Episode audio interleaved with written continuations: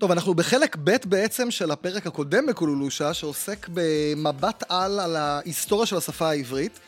בפרק הקודם דיברנו בעיקר על אה, לשון המקרא. היום, עכשיו נתמקד ב- בלשון חז"ל, אבל אה, איתנו באולפן הדוקטור חנוך גמליאל, שלום לך. שלום וברכה. אז סיכום קטן של ה... מה שדיברנו בפרק הקודם, ואחר כך נצלול ל- לחלק שלנו על תקופת חז"ל. אז מה שדיברנו על העברית המקראית, פחות או יותר, נכון.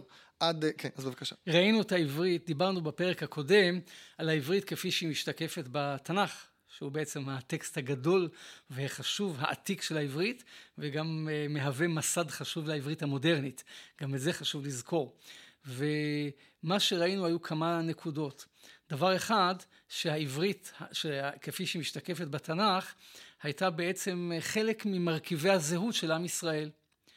ובזמן התנ"ך, לפחות בתקופה הקלאסית, כלומר עד חורבן בית ראשון, היא הייתה לשון חיה, אה, אופפת קול, לרבים מעם ישראל היא הייתה הלשון היחידה שלהם, ודאי שפת אם, גם שפה מדוברת, גם שפה ספרותית. היו בה גם אה, להגים, דיאלקטים, כמו שמקובל הרבה פעמים, אבל אה, פחות או יותר היא שמרה על אחידות, ודאי בצד הספרותי שבא לידי ביטוי בתנ"ך. ושימשה את עם ישראל עד אה, ששקעה שמשה של מלכות ישראל עם חורבן הבית הראשון בשנת 586 לפני הספירה. אחר כך ראינו שהייתה גם איזושהי שיבה ותחייה, מה שנקרא שיבת ציון, שאנחנו תמיד מזכירים עזרא ונחמיה על שם הספרים, אבל זה התחיל עוד קודם עם זרובבל כמובן, ובשיבת ציון התנ"ך משאיר לנו עוד כמה ספרים שהם מהתקופה, של, מהתקופה הפרסית בעצם. ובהם מצד אחד העברית עדיין המקראית ממשיכה במתכונתה ובסגנונה ובלשונה, אבל מרגישים כבר את שינויי התקופה, כשהמרכיב המרכזי של שינוי, השינוי הוא נוכחותה של הארמית. שפה שהייתה פעם שפה של ממלכות ארם, הפכה להיות שפה על-אזורית, מדוברת ונכתבת בפי כל העמים שוכני המזרח, מה שקוראים היום המזרח התיכון. יהודים ונוכרים כאחד, והיא משפיעה הרבה על העברית. וכאן אנחנו מגיעים למצב שהוא חדש לעם ישראל, והוא הדיגלוסיה שדיברנו, שהזכרת. נסביר מה זה דיגלוסיה. דיגלוסיה בעצם זה מונח בלשני מודרני לתאר דו-לשוניות, שהוא בא לתאר מצב שכביכול מחלקים את העוגה בין שתי שפות. יש לנו שפה אחת משמשת לצרכים מסוימים ושפה אחרת לצרכים אחרים. זה נראה שברגע שהארמית התייצבה פה בשטח כשפה שמשתמשים בה, לפחות לגבי חלק מהאוכלוסייה, הם חיו בדיגלוסיה כזאת. כלומר, יכול להיות שהיו יהודים שהמשיכו לחיות רק בעברית, והיו יהודים שהיו, שחיו רק בארמית, אבל היו ודאי יהודים שבשבילם עברית שימשה אולי בקריאת התנ"ך וארמית ביומיום, אולי ארמית לצורכי מנהל ומשפט ודאי כי הממשל התנהל בארמית, ועברית אולי לצורכי תקשורת פנימית. קשה לנו להצביע לפעמים על חלוקת התפקידים, אבל ברור ששתי השפות כבר מתחרות ביניהם, והשפה החזקה ארמית משפיעה על העברית. בגדול אפשר להגיד שחלק גדול מהחידושים של העברית בזמן הזה של בית שני לעומת התקופה הקדומה, מגלה השפעות של הארמית, גם באוצר המילים, גם בדקדוק, וזה אומר שהארמית הייתה בעלת נוכחות מאוד בולטת בתקופה. שזה רואים בעב... בעברית המקראית המאוחרת. כן, קצת. דיברנו ואחר... טיפה, נתנו כן. מעט דוגמאות כן. בפעם כן. הקודמת. יותר על כתיב, אבל פחות על ארמית כן. דיברנו. אבל יש פרקים בתנ"ך שכתובים בארמית, נכון. בת... בתקופת בית שני.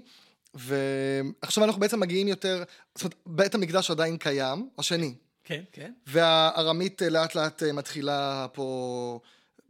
נכון? כן, כן. להשתלט, נקרא לזה ככה, אה, ואנחנו בהשקה של בין העברית המקראית היא תקופת חז"ל, שחז"ל עדיין חיו כשבית המקדש היה קיים, נכון? כן. היה חורבן, וחז"ל, אה, טוב, רבן גמליאל וכולי, אה, רבן יוחנן בן זכאי, הופכים את היהדות למשהו יותר התלמוד וכולי, שגם עליו נדבר בפרק הזה. אה, אז בוא, בוא נתחיל ב... אבל אני דווקא לפני כן, חז"ל, בבקשה. אני רוצה להזכיר, אה, חז"ל זה קצת מונח מאוחר יותר, הייתי דווקא מעדיף לרגע לחזור קצת אחורנית, mm. אה, לתקופה של נגיד אמצע ימי הבית השני, התקופה אפילו ההלניסטית, בכל זאת אנחנו בחנוכה היום. וחנוכה זה מזכיר לנו את היוונים, כי אה, זה גם ייתן לנו איזו הבנה יותר טובה של מצב העברית והשימוש בעברית. אז ברשותך, אולי מעולה. כמה דקות נדבר על החנוכה, אז uh, מתבקש לדבר על היוונים. רק לזכור שאנשים ישמעו את הפרק הזה לא בחנוכה. כן. גם מי שישמע את הפרק בפורים, כדאי שידע משהו על התקופה ההלניסטית. חלוטין. יש עוד שנה הבאה עוד פעם חנוכה. גם זה נכון, כן. כן.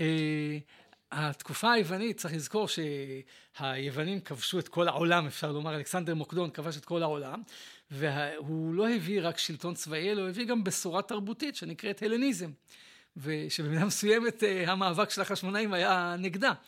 וכאן אה, מעניין מאוד להתבונן בשתי קהילות, אני אקח פה איזה דוגמה קצת, קצת בצורה כוללנית, קהילת יהודי אלכסנדריה לעומת יהודי ירושלים. אלכסנדריה במצרים. כן, אלכסנדריה של מצרים. אלכסנדריה על שם אלכסנדר, כמובן, mm-hmm. הגדול, אה, כדי לראות מה קורה למי שמשתמש בשפה כך או אחרת, וזה מדגים גם את המצב של, דוב, של יהוד, יהודים שרוצים להשתמש בעברית או לא יכולים להשתמש בעברית בסיטואציות לשוניות כבר אחרות. Mm-hmm. באלכסנדר של מצרים, בתקופת, בתקופה ההלניסטית, הייתה עיר של מרכז מדע וחוכמה. וזה דבר שחשוב לדעת. אוקלידס למשל, שכולנו למדנו בתיכון, אני חושב שעדיין לומדים את uh, הגיאומטריה של אוקלידס. גם אם לא לומדים אותה, זה עדיין גיאומטריה חשובה. Uh, היו שם מדענים חשובים בתחומי האסטרונומיה, ההנדסה, מרכז רפואי מאוד חשוב, הגות, אומנות. באלכסנדריה הייתה ספרייה גדולה. אחת הספריות הגדולות בעולם העתיק. כלומר, זה היה מרכז תרבות גדול וגם עיר גדולה וחשובה. בעיר אלכסנדריה היו חמישה רבעים, מהם שניים שהיו רבעים של שכונות יהודיות. כלומר, הקהילה היהודית הייתה שם גדולה, עשירה, חזקה, משכילה ומלומדת. יש uh, מספרים שונים שנוקבים בהם לגבי כמה יהודים היו במצרים, לא בטוח שהם נכונים, אבל מדובר בקהילה גדולה מאוד. כלומר, אם אנחנו רוצים איזה קנה מידה להשוואה, נניח כמו ניו יורק של היום, אני אומר את זה רק לשם ההשוואה מבחינת עוצמה. איך הם הגיעו? הם, הם ירדו בגלות עם ירמיהו? אה, אולי חלק ירדו גם אחרי ירמיהו. אה, הבנתי. אבל. שם זה התחיל. גם לאמריקה לא כל היהודים הגיעו בגל הראשון. כן, כן, יש גם יהודים שנוסעים היום לאמריקה. אבל הייתה שם קהילה מאוד עשירה, מאוד חזקה. ואנחנו יודעים שהקהילה הזאת, אה, היו גם בה מלומדים. אחד המלומדים המפורסמים והחשובים בה, הוא אדם שנדמה לי שרובכם לא מכירים, קוראים לו פילון האלכסנדרוני. הוא בן זמנו של הלל הזקן. שקצת יותר ידוע, תמיד אומרים, תנהג כמו בית הלל, לא כמו בית שמאי, מה ששנוא עליך, אל תעשה לחבריך, נכון? פתגמים של הלל, אם אין אני לי, מי לי, כל מיני פתגמים יפים של הלל, מיוחסים להלל לפחות. אבל איזה פתגמים מיוחסים לפילון? נעזוב פתגמים, מי יודע בכלל מי זה פילון? הוא היה מלומד משכיל מאוד וגם אדם בעל מעמד. אה, היהודים שלחו משלחת, הוא כבר חי בתקופה שהרומאים שלטו על מצרים וגם על ארץ ישראל, והוא שלחו משלחת לקיסר קליגולה כדי להתלונן על הצרות שעושים להם הנוכרים. הוא עמד בראש המשלחת לקיסר, כלומר מדובר באדם בעל מעמד נכבד, אדם שעסק הרבה בפילוסופיה וכולי. הוא כתב המון ביוונית. וסבורים שהוא לא ידע עברית ואת החומר, הוא ידע המון פרשנות למקרא, כמובן הוא ידע את התנ"ך מצוין, פרשנות למקרא, חומר מדרשי, הוא הכיר את זה כנראה ביוונית. יכול להיות שהוא קרא גם את התורה ביוונית, כי כבר היה בימיו אה, מה שאנחנו קוראים תרגום השבעים, שזה תרגום של התורה ליוונית. אז מצד אחד הוא כתב המון על הגות יהודית, מצד שני, האמת שעד שלא הגעתי לאוניברסיטה לא שמעתי עליו. ואני חושב שגם רובכם המאזינים לא יודעים על מי מדובר. והסיבה שלא יודעים על מי מדובר היא בדיוק מה שהזכרתי לפני רגע, שהוא כתב הכל ביוונית, אז מראש הטקסטים שהוא כתב נועדו ליהודי שיודע יוונית. אבל אם אתה חי למשל בבבל, בבבל, ארץ בבל, או בגלויות אחרות ולא יודע יוונית, או אם אתה חי 500 שנה אחר כך או 1,000 שנה אחר כך, וחי בסביבה דוברת ערבית ולא יודע יוונית, אז זה כספר החתום בשבילך. אבל מעבר לזה שזה אה, כספר החתום, אני חושב שעצם הכתיבה בשפה זרה יוצרת נתק. אמר את זה כבר ביאליק בשעתו על קהילת יהודי אלכסנדריה, אה, חיים נחמן ביאליק אמר, אה, ברגע שאתה עובר לשפה אחרת, זה דומה, הוא אמר, למי שמנשק את אמו דרך מטפחת. כלומר, וואו, איזה יופי. ביטוי ציורי של מעולה. אדם שגם היה אוהב לשון, פעיל גדול בשדה הלשון העברית, וגם משורר נפלא, ויש בזה אמת גדולה. עכשיו, פילון לא היה היחיד. בקהילת אלכסנדריה ישבו הרבה יהודים מלומדים, כתבו הרבה, הכל ביוונית, לא נשאר מהם כלום.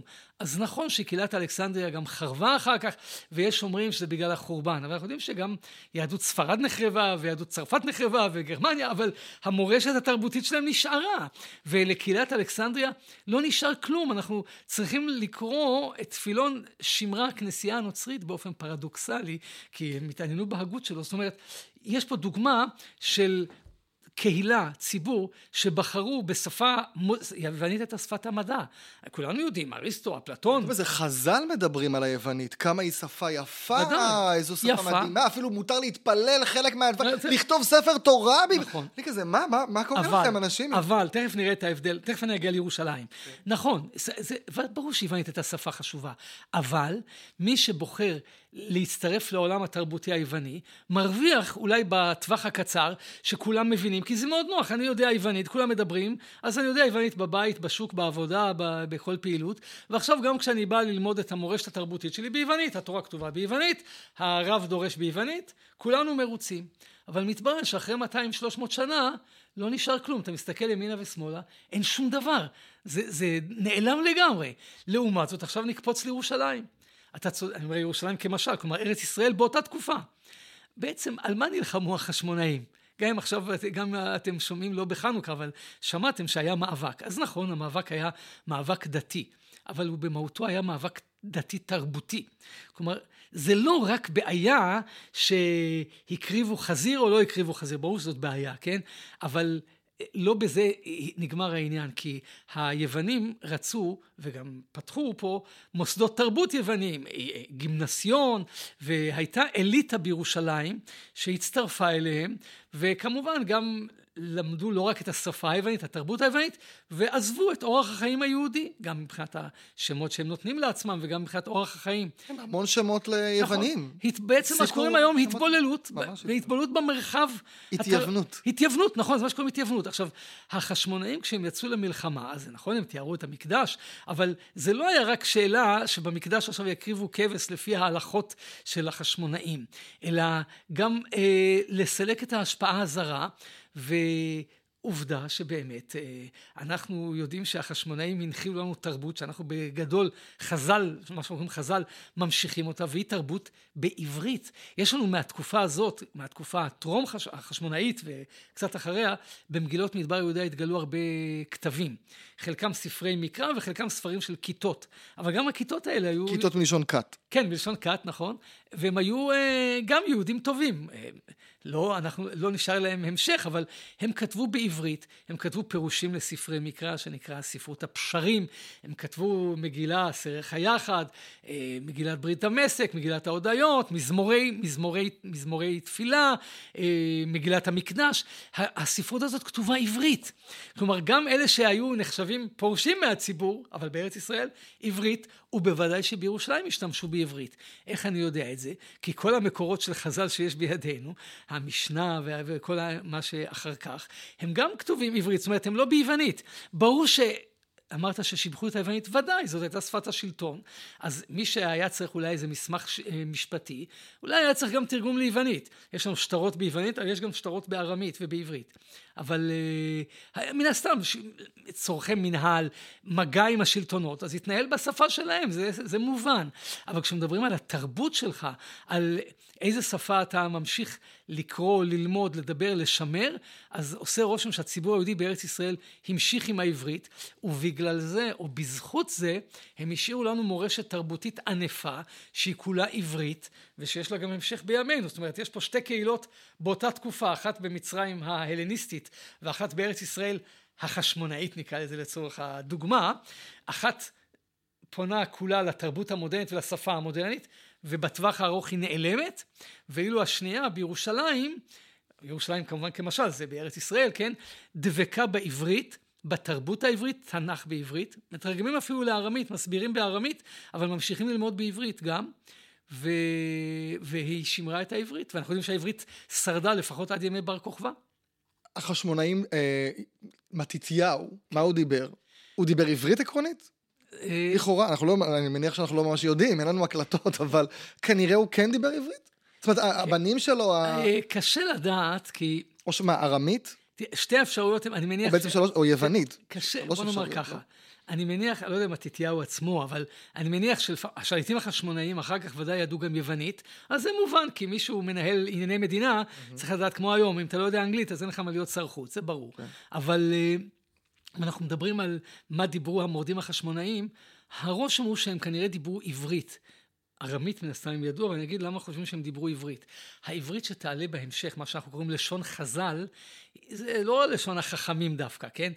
באוניברסיטה הרבה פעמים קוראים לקורס הזה לשון חכמים, אבל זה גם היה לשון של עמי הארץ והטיפשים במחילה, כן? זאת אומרת... יש סיפור בגמרא, אה, לא, לא תכף נגיע לסיפור, אה, עם, האישה של כן, כן, המשרתת. כן. אבל עוד לפני הסיפור בגמרא. תכף נדבר על זה. באגרות בר כוכבא, יש איגרת, איגרות שהתגלו, בר כוכבא כותב, אני, אם לא תעשו מה שאני אומר לכם, אני אתן את הכבלים, תכבלים. תכבלים, כמו את הספר שלנו. כן, כן, ברגליכם. כן, כמו, כמה שעשיתי, בסמך כתוב עשיתי, כן? לבן עפלול. כלומר, הוא אומר מילים פשוטות של מפקד בצבא. אם uh, לא תתנהגו כמו שצריך, אני קבלו, אני אראה לכם מה זה, נכון. בעברית מדוברת, אבל בעברית. עכשיו, פקודה כזאת, כששולחים, שולחים אותה בשפה שהחיילים יבינו. לא מדובר פה באיזה ניסוח ספרותי מדי, ואם החיילים צריכים להבין, זה אומר שהחיילים של בר כוכבא מדברים עברית. אז אם הם מדברים עברית, והמשרתת מדברת עברית, כולם מדברים עברית, ולכן אני, עכשיו, מאיפה הגיעה השפה הזאת שהיא כל כך שונה, מה, היא די שונה מהעברית המקראית? אחת ההשערות היא, ונראית לי השערה סבירה, הרבה פעמים כששפה, כש... אה, דיאלקט להג אחד או שכבה לשונית מסוימת מחליפה שפה אחרת, זה קורה בעקבות שינוי חברתי. זה ידוע בהרבה מקומות בעולם. שכבה חברתית חדשה עולה לגדולה והיא מביאה את התרבות שלה ואת השפה שלה. במידה מסוימת אנחנו מרגישים היום בארץ קצת לפעמים ויכוחים על, על איזה תרבות מדובר, כן? הת, התרבות והמוזיקה ו... המזרחית, אתה המזרחית או החדשה או האשכנזית הישנה. אנחנו מרגישים את זה אפילו היום ואין לזה ביטוי לשוני כל כך, קצת אולי כן. אבל אם אנחנו שואלים את עצמנו מאיפה הגיעה העברית הזאת, אחד ההסברים, והוא נראה לי הסבר הגיוני, החשמונאים, כשהם הגיעו, החשמונאים כנראה ייצגו אוכלוסייה כפרית שבאה מאזור מודיעין, אולי השפלה, הנג... האזור השפלה, כן? בית חורון, אה, כל האזור הזה, הכפרי, והם הגיעו לירושלים. הם הגיעו לירושלים, תפסו את עמדות השלטון, והם אמרו פחות או יותר, אם אנחנו מספיק טובים בשביל להילחם ולמות על השלטון אז, ועל העצמאות שלנו, אז גם העברית שלנו מספיק טובה בשביל שנשתמש בה. עכשיו, זה לא קורה ביום אחד.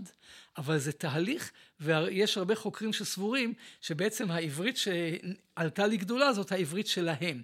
עכשיו, אם זאת העברית שעלתה לגדולה, שהיא שלהם, סימן שהם השתמשו בה לפני כן.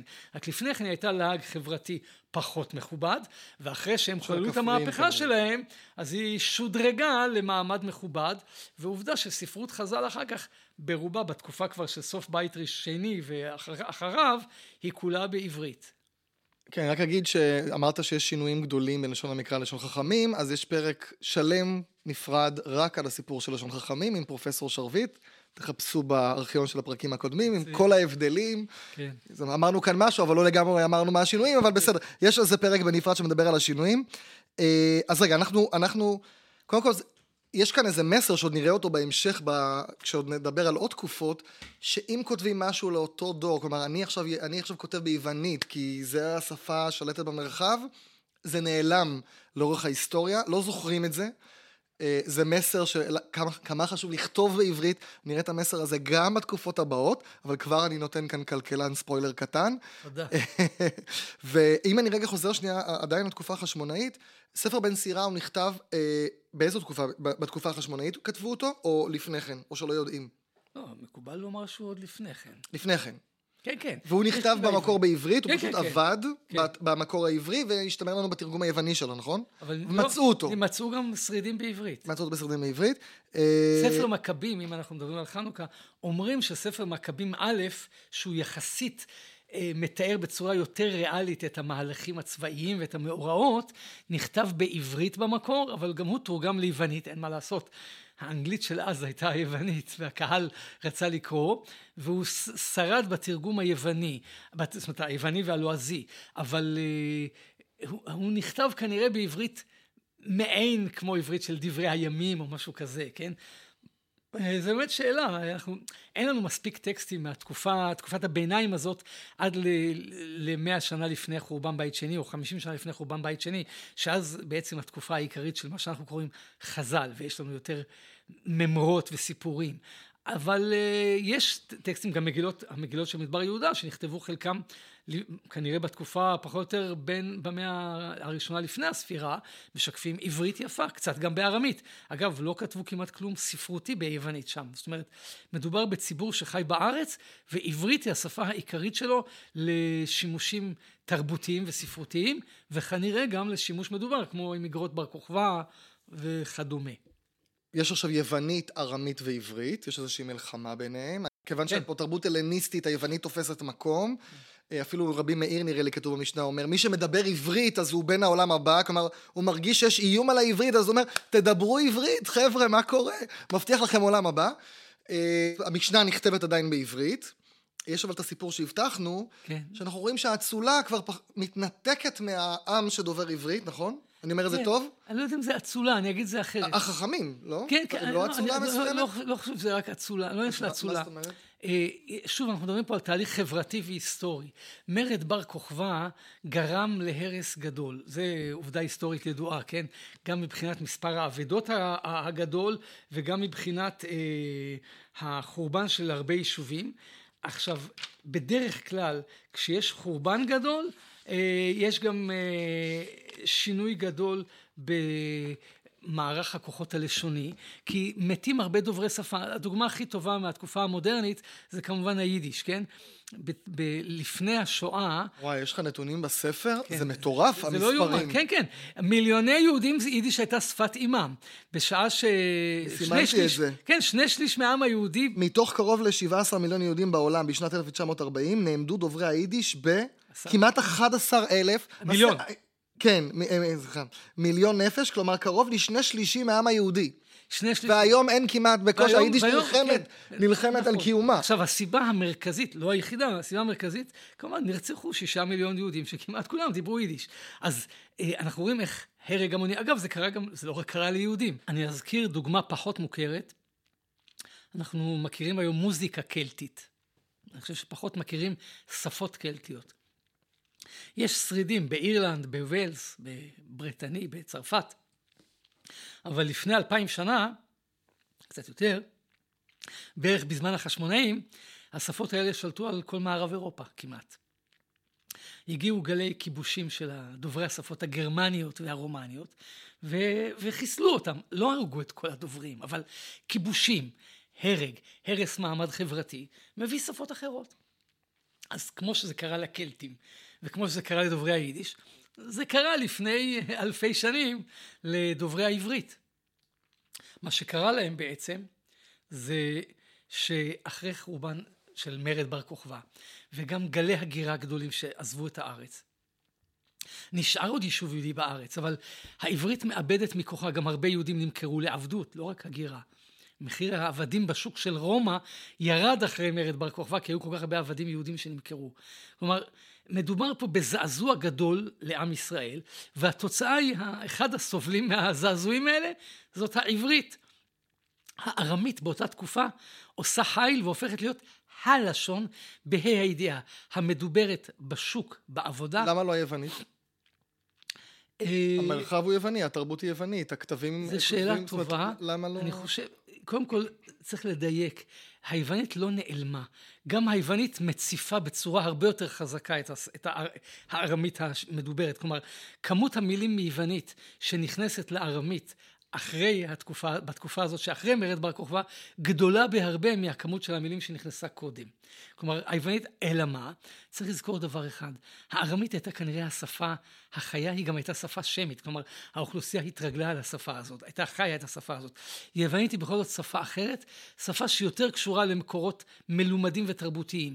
הרי לא כל אחד קרא את אריסטו ואת אפלטון, וגם לא את אה, אוקלידס או את היפוקרטס, אבל אה, חברה יותר שמרנית מחזיקה עדיין בשפה הארמית, שהיא השפה היומיומית שלה. שגם מקורות תרבותיים שלה נמצאים בשפה הזאת, ולכן הארמית חודרת לכל הפינות. את זה רואים בסיפור שהזכרת על המשרתת בביתו של רבי יהודה הנשיא. הסיפור מובא במקורות בגרסאות שונות, אבל הסיפור אומר שתלמידי החכמים שבאו לשמוע את, ללמוד תורה מפיו של רבי יהודה הנשיא, סביב 200 לספירה הנוצרית, שוב תאריך עגול, כן? אה, לא ידעו כל מיני מילים בעברית, הם לא ידעו מה פירוש המילה מטאטא. הם לא, טוב, אז, ו, אז הם שמעו את המשרתת שהיא אומרת, תקחי את המטאטא ותטאטא, אה, זה מטאטא. טוב, אז מילא שהחכמים לא יודעים מה זה מטאטא, כי כנראה רק המשרתות אה, ניקו את הבית, מילא. אבל הם לא ידעו גם את פירוש המילה סירוגין. לא ידעו פירוש הצמח הלוגלוגות, והם למדו את זה מהמשרתת. עכשיו, למה החכמים צריכים ללמוד מהמשרתת? הם אמורים להכיר את המקורות בעברית, את התנ"ך, את המשנה. זה מה שהם לומדים בבית המדרש. התשובה היא, הם באמת לומדים את זה, אבל הם לומדים את זה קצת כמו יהודים בחוץ לארץ. כלומר, אנשים שהשפה שלהם היא אחרת. הם כבר דוברי ארמית, ואז... כלומר, שפת האם שלהם הייתה ארמית לצורך העניין? כן, כן. של חז"ל? של, של התנאים? לא, לא. לא. של חלק מהתנאים? אז, אז צריך לשים את הקו.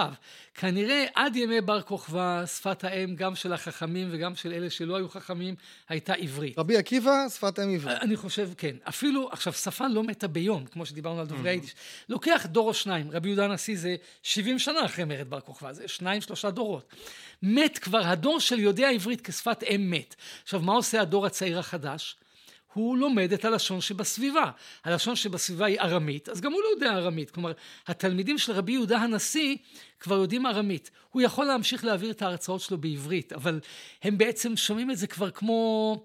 הם, הם יבינו מה הוא אומר, אבל יהיו מילים שהם פחות יכירו. ואילו המשרת, למה המשרתת יודעת?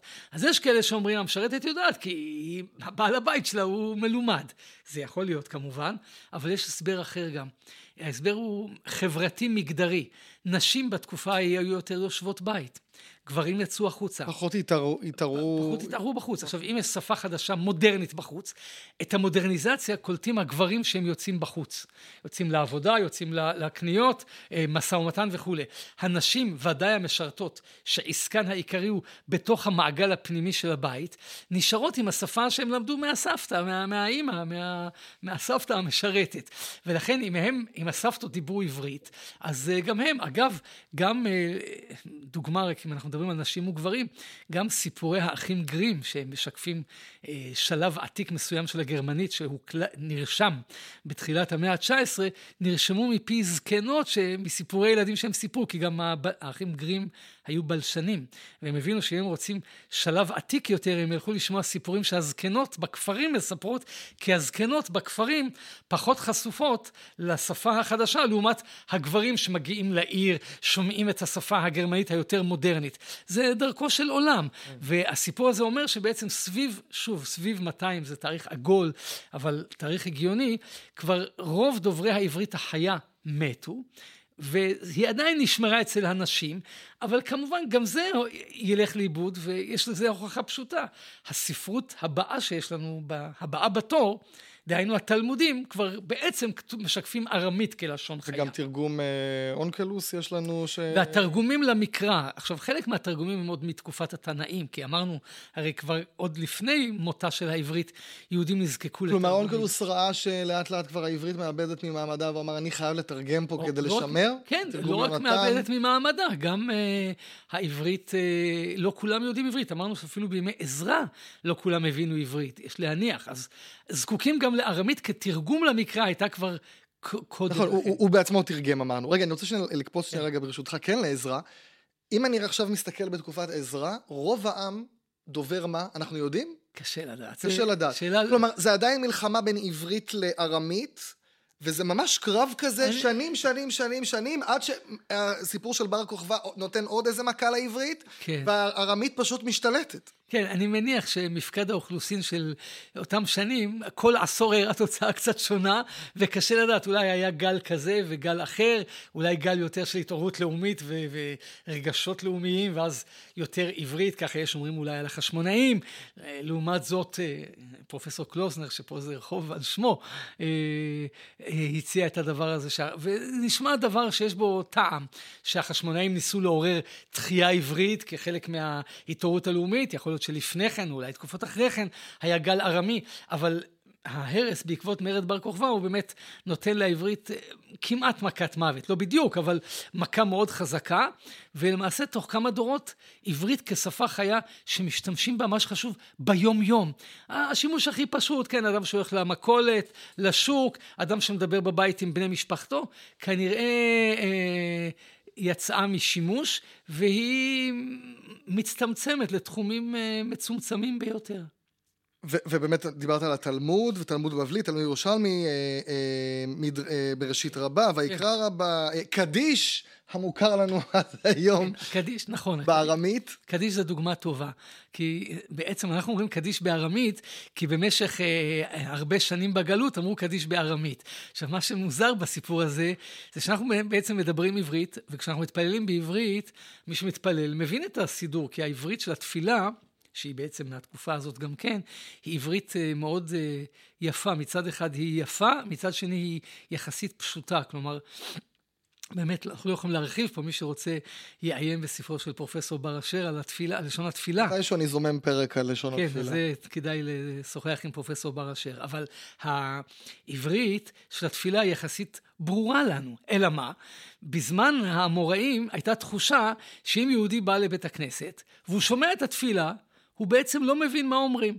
אז אה, אומרת, התלמוד הבבלי אומר, העולם עומד על אמן יהא שמי רבה, שהקהל עונה אחרי הדרשה של הדרשן. כלומר, יהודים באו לשמוע את הדרשה של הרב. הדרשה הייתה מתובלת בהרבה מאוד, אולי חלק גדול היה בעברית, כמקורות, פסוקים, אה, מקורות תנאים, ואולי הוא אמר גם כל מיני משפטים בעברית, שהחכמים הבינו, והציבור לא. יש בתלמוד הבבלי כל מיני אמירות חצי הומוריסטיות, שהציבור שבא לשמוע את הדרשה בעצם לא מבין. אז אה, בכל זאת, איפה הוא משתתף? כשהשליח ציבור אומר את הקדיש בארמית, והציבור אומר משפט בארמית, שהוא בעצם מעין תרגום של משפט שמופיע בתנ"ך, כן? ישמע גדול מבורך. לעולם ולעולמי עולמים, אה, הציבור אמר את זה בארמית, אז הוא השתתף בתפילה, הוא השתתף בלימוד, ועוד טובה עשו לציבור, שהוא אומר את הפסוקי הקדושה, יש תפילה כזאת שנקראת קדושה, שזה שוב שני פסוקים מהמקרא, מישעיהו ויחזקאל, אז הוא אומר, זה גם קדוש. פסוק אחד מהתורה, כן, קדוש, קדוש, קדוש, אז הוא אומר את הפסוק הזה בתרגום. עכשיו, למה צריך להכניס את זה לתרגום? כדי שיהודי שבא לבית הכנסת ירגיש שייך לתפילה. זאת אומרת שהמציאות היא שמי שכבר הגיע לבית הכנסת, והרי גם אז היו כאלה שאולי לא הגיעו לבית הכנסת, מי שהגיע לבית הכנסת, הוא לא הבין מה שליח הציבור אומר. אבל הוא, יש, משריינים לו איזה כמה דקות, כמה קטעים, שהוא משתתף, חוזר הביתה, מרגיש, אה טוב, היה לי גם כן חלק. עכשיו, הקדיש היום, זה הפוך, אנחנו מדברים עברית, מתפעלים בעברית, וכשמגיעים לקדיש, הרבה ישראלים שוברים את השיניים.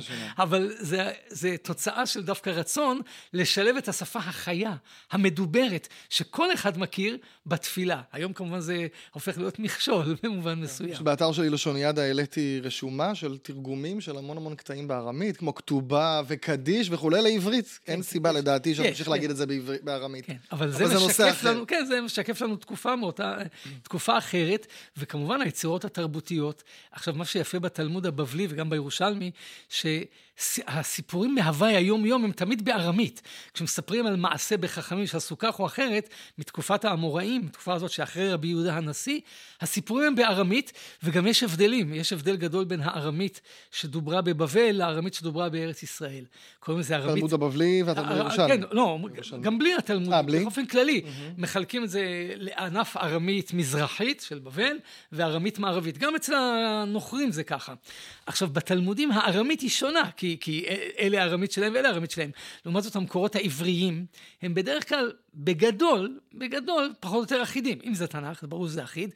המקורות התנאים ברובם, יש גם לפעמים עיבודים והשפעות, לא נעמיק פה בפרטים, אבל בגדול העברית היא אחידה. מדוע? התשובה היא פשוטה.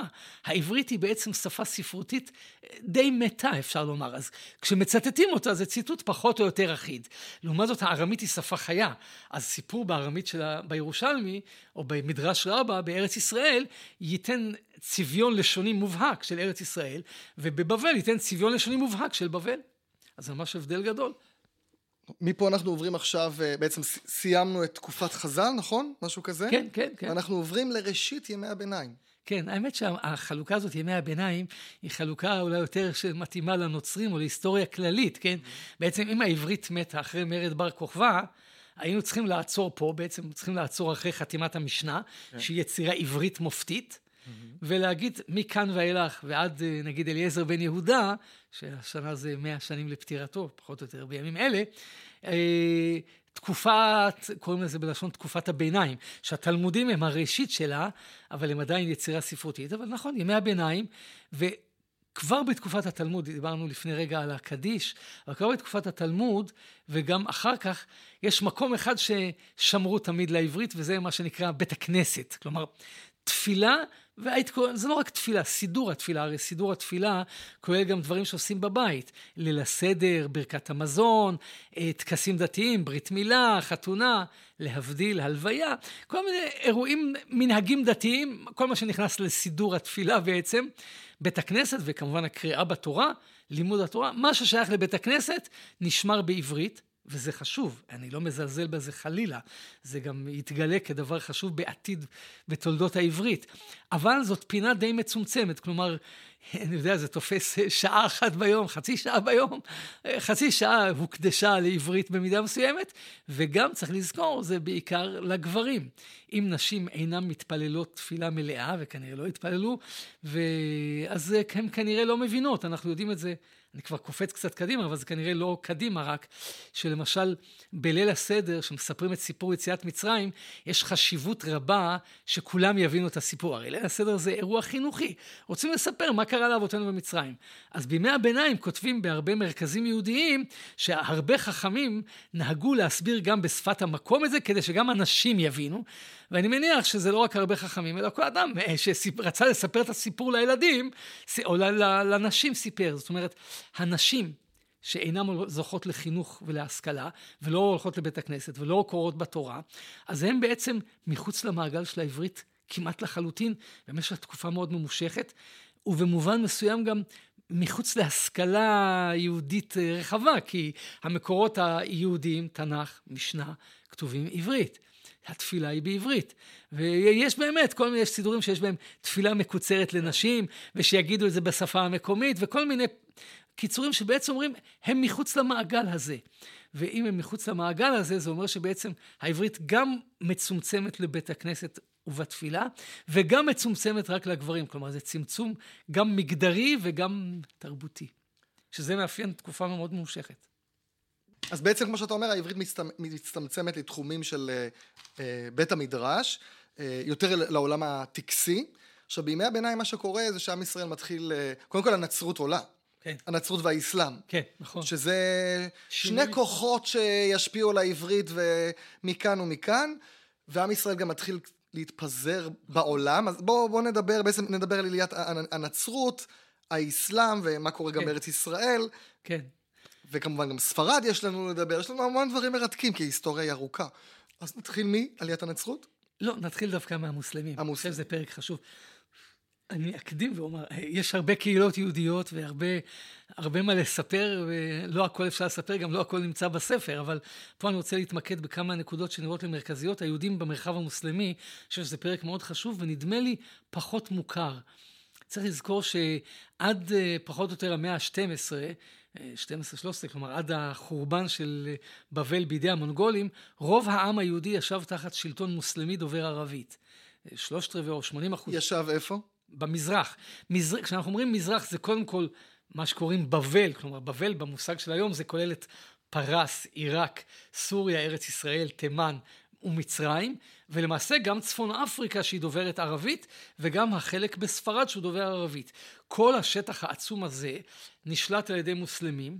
דיברו בו ערבית כשפת הממשל והמנהל, וגם היהודים אה, השתמשו בערבית. עכשיו רק אגיד שזה הגיוני שרוב עם ישראל היה שם, כי עם כל הסיפור של החורבן וכולי, עם ישראל הולך למקומות הקרובים לו. נכון, נכון, נכון. אז המקומות הקרובים, כן. אלה המקומות הקרובים. ושם גם יהודים חיו ברווחה ובשגשוג, וקהילת בבל הייתה קהילה גדולה וחזקה, ועשירה, הזכרנו את התלמוד. ועוד חלק לא עלו מחור... נכון. מהחורבן בית ראשון. הזכרנו את התלמוד הבבלי, יצירה מפוארת שנכתבה בבבל. אמנם בתק...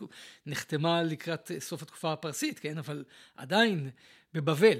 בכל אופן, כשמגיעים הערבים, אה, הם מביאים איתם שפה חדשה, ובאופן טבעי היהודים עוברים תהליך של מעבר מארמית, שזאת הייתה השפה, אמרנו, של התלמודים וכולי, לערבית. זה תהליך נורמלי, מגיע שלטון חדש עם שפה חדשה, וגם האוכלוסייה הכבושה לומדת את השפה החדשה. זה לא מתרחש ביום אחד, גם לא בדור אחד, אבל יש להניח שתוך 200 שנה זה מתרחש. אנחנו רואים את זה, הערבים כבשו את המזרח התיכון במחצית הראשונה של המאה השביעית, כלומר עד 650 לספירה הנוצרית, הם כבר כבשו את כל בבל, פרס וכולי, כן? עד מצרים.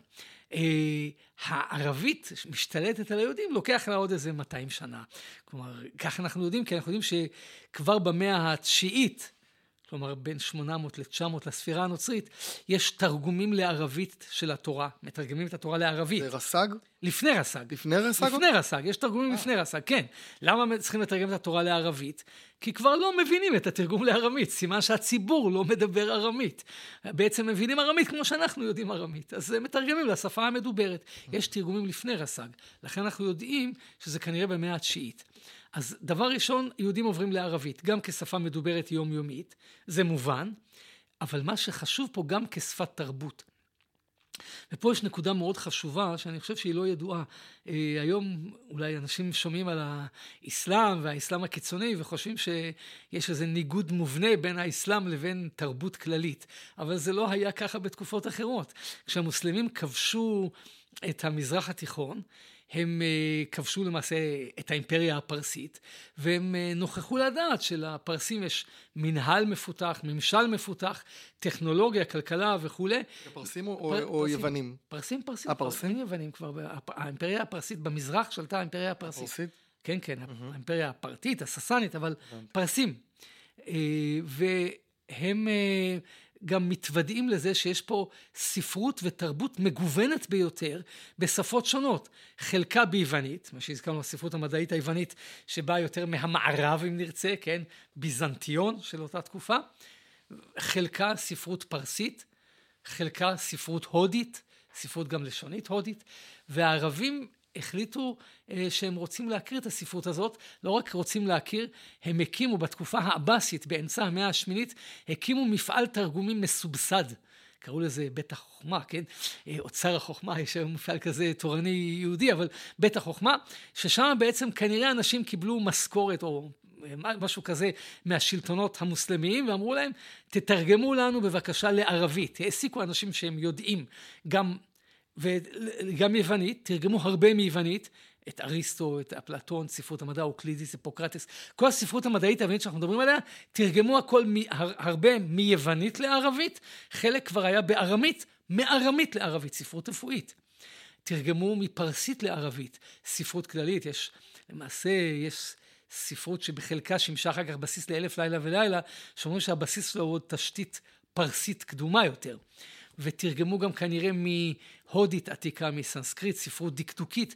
כלומר, הקימו מפעל תרגומים, ותוך כמאה שנה עמדו לרשות יהודי הערבית, כלומר באמצע המאה התשיעית כבר, מי שידע ערבית יכול היה לקרוא ספרות מגוונת בכל התחומים, כולה כתובה ערבית, אף על פי שהידע הזה נצבר אצל עמים אחרים. זו תופעה מדהימה, שאני חושב שלא התרחשה בהרבה מקומות בעולם, וזה הפך את ה...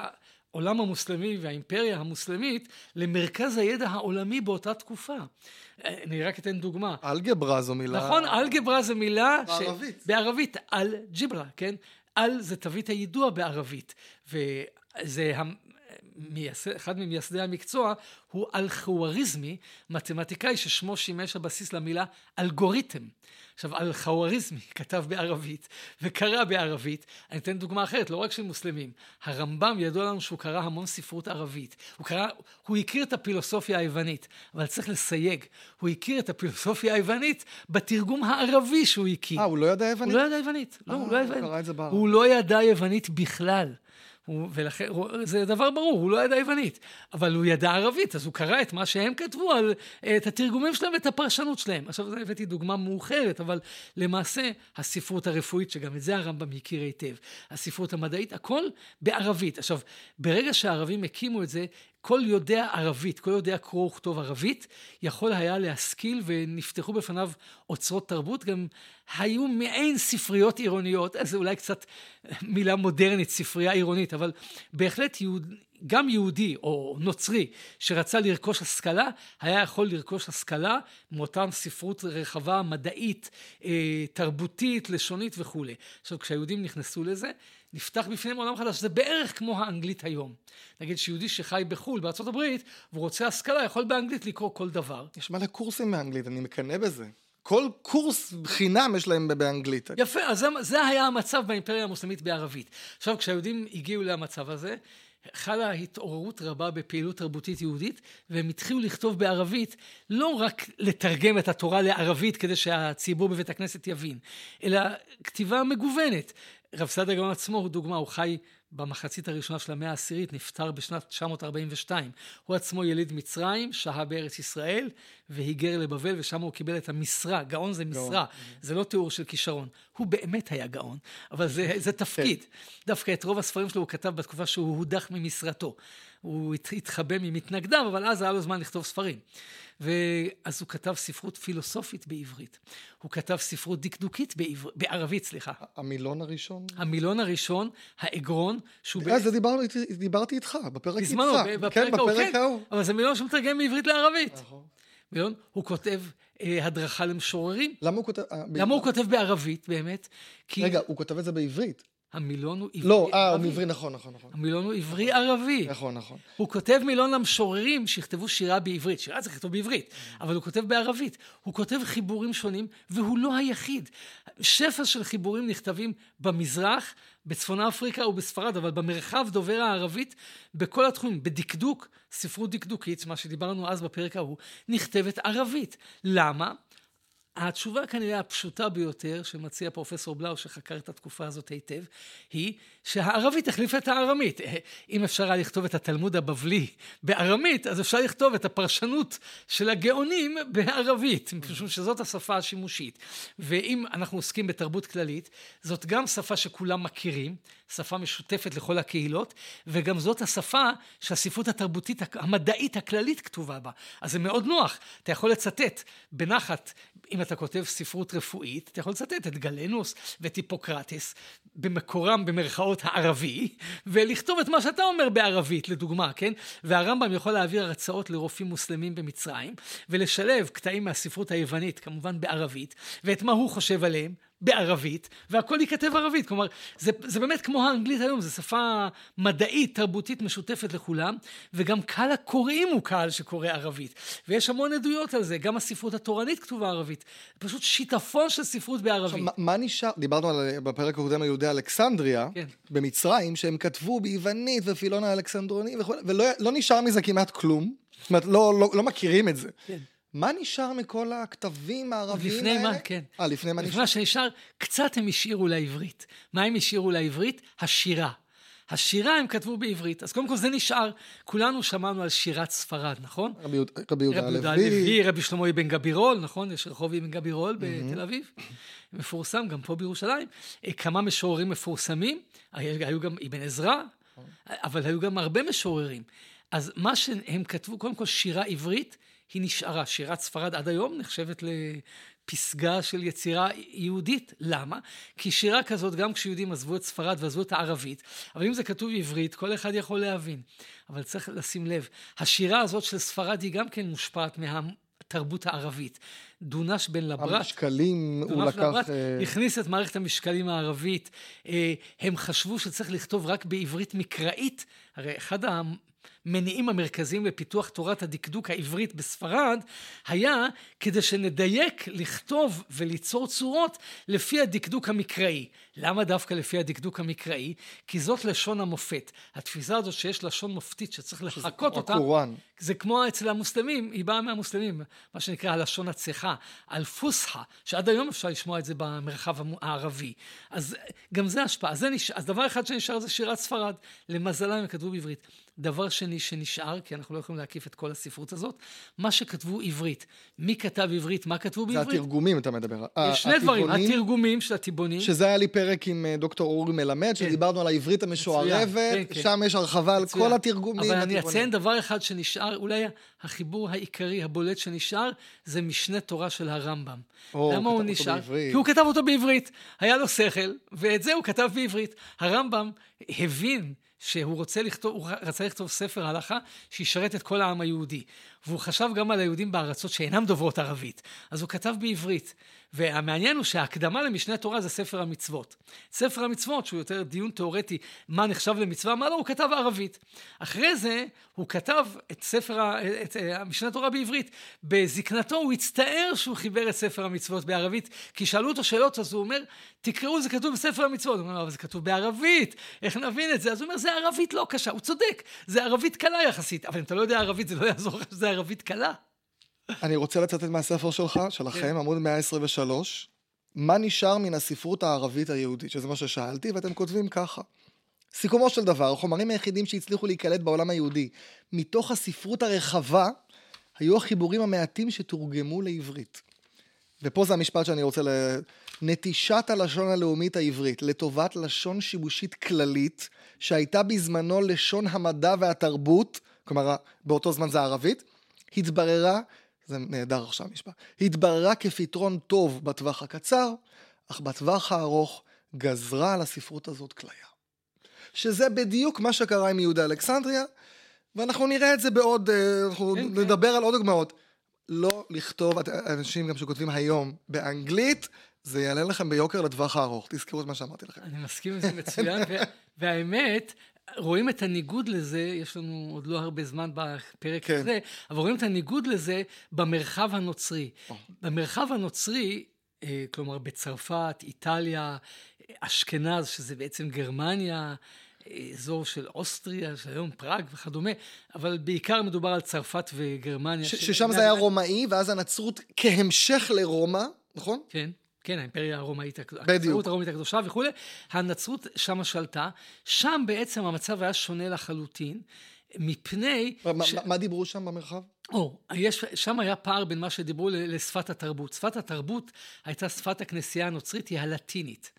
אבל האוכלוסייה עצמה השתמשה במה שאנחנו קוראים להגים, שזה ניבים גרמניים שונים, צרפתית, אה, פרובנסלית, קטלונית, קסטיליה, אה, ספרים. איך זה התפתח? כלומר, הרומאים, כשהיוונים שלטו, מה דיברו? היוונים... הרומאים התכוונתי. אה, הרומאים. כשהרומאים שלטו, בהתחלה אמרנו, דיברו, של, דיברו שפות קלטיות, הם השליטו שם את הלטינית, הרומאים. כן. אבל עם הזמן התפתחו בארצות האלה, הרי בין יוליוס קיסר לבין הזמן של שנת אלף לספירה, עברו אלף שנים.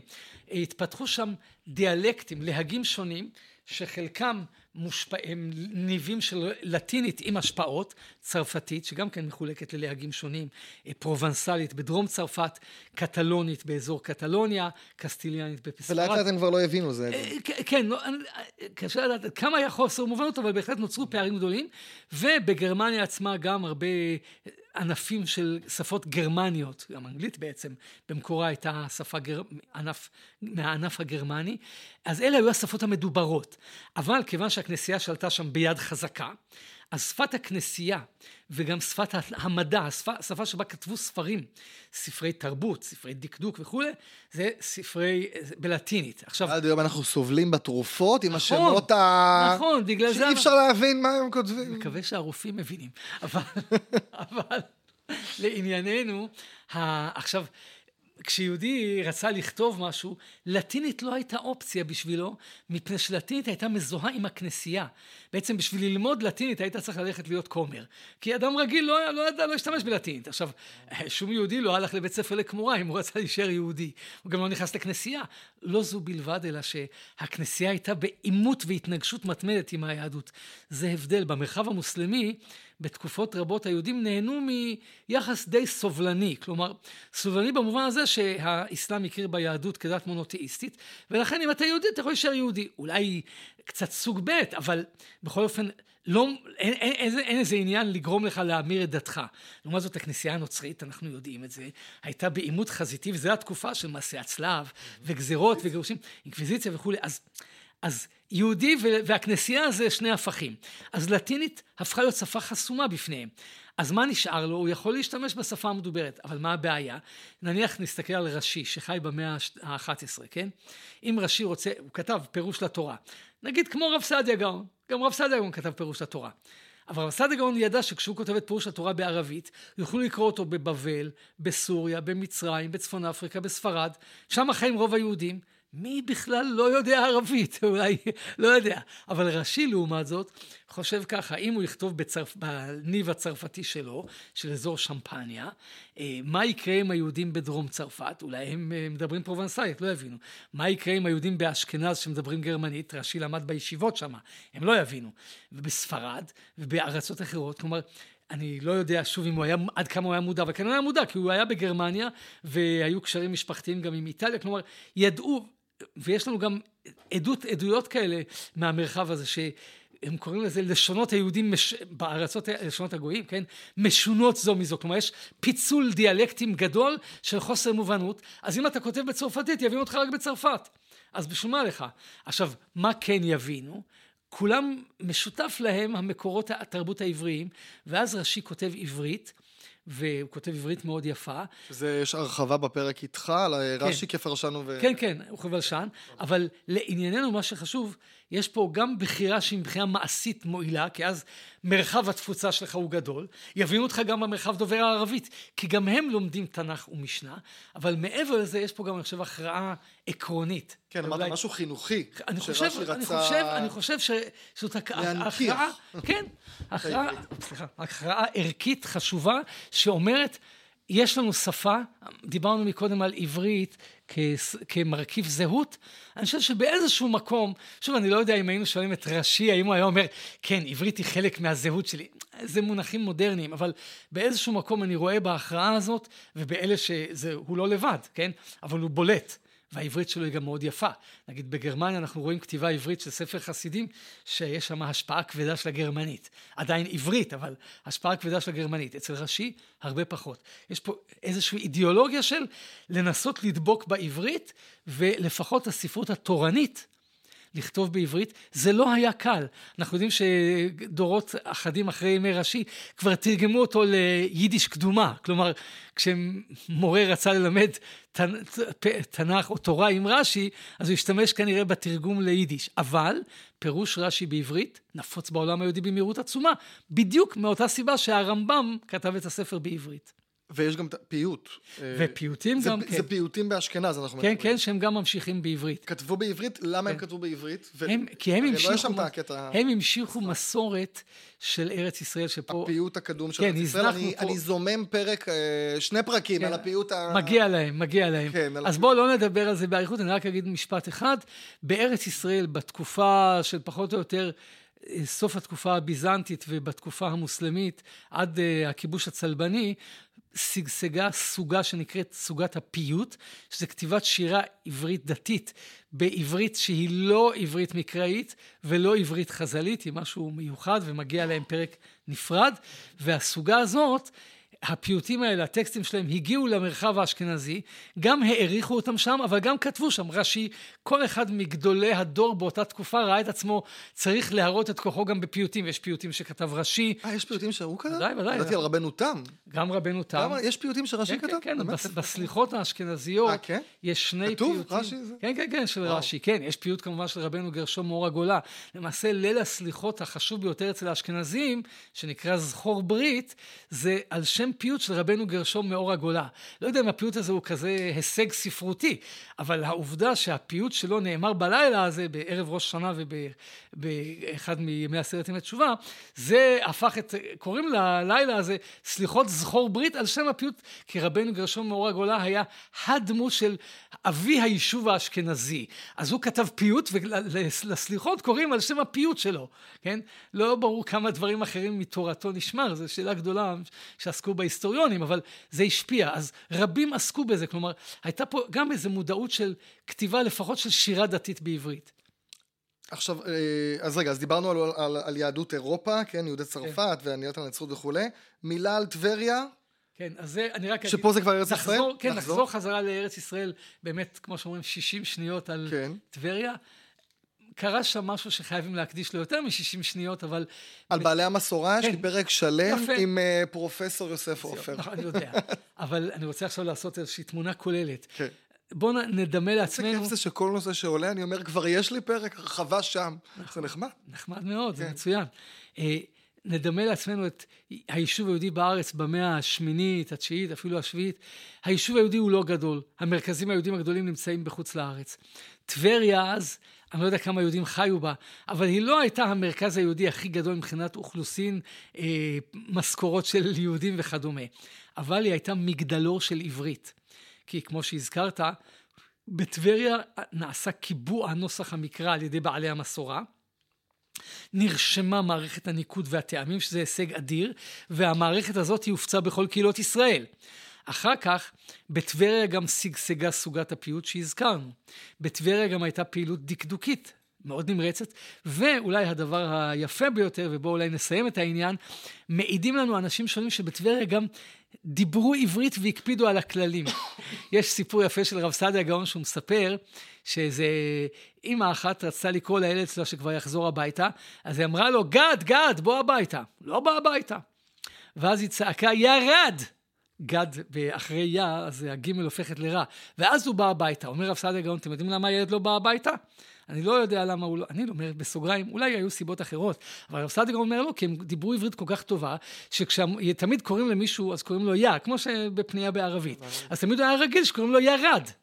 עכשיו שהאמא צעקה משום מה גד, אז uh, הוא לא הגיב, כי, כי הוא לא מכיר את השם שלו, אז הוא לא שמע שהיא... זה אומר שהיה הבדל בין הגימל הדגושה לגימל כן, הלא דגושה. כמו בחלק מעדות המזרח עד היום. כן.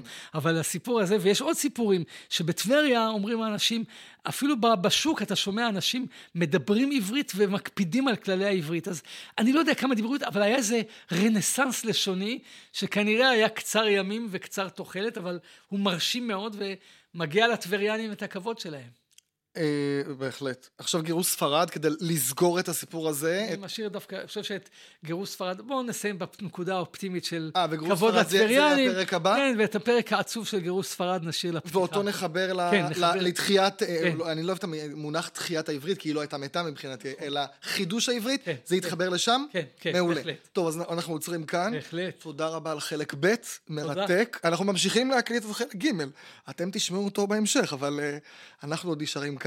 תודה. ואני מזכיר שהרחבה על הפרק, אה, אפשר למצוא באתר לשוניאדה, ויש קבוצת פייסבוק, קולולושה בפייסבוק, וגם טיק טוק לשוני שיש לי, שאני מעלה שני סרטונים ביום, ואנחנו ממשיכים מיד לעוד פרק. כן. תודה רבה לכם, ותודה רבה לך על הסבלנות והאנרגיות להמשיך לעוד, לעוד ועוד פרקים.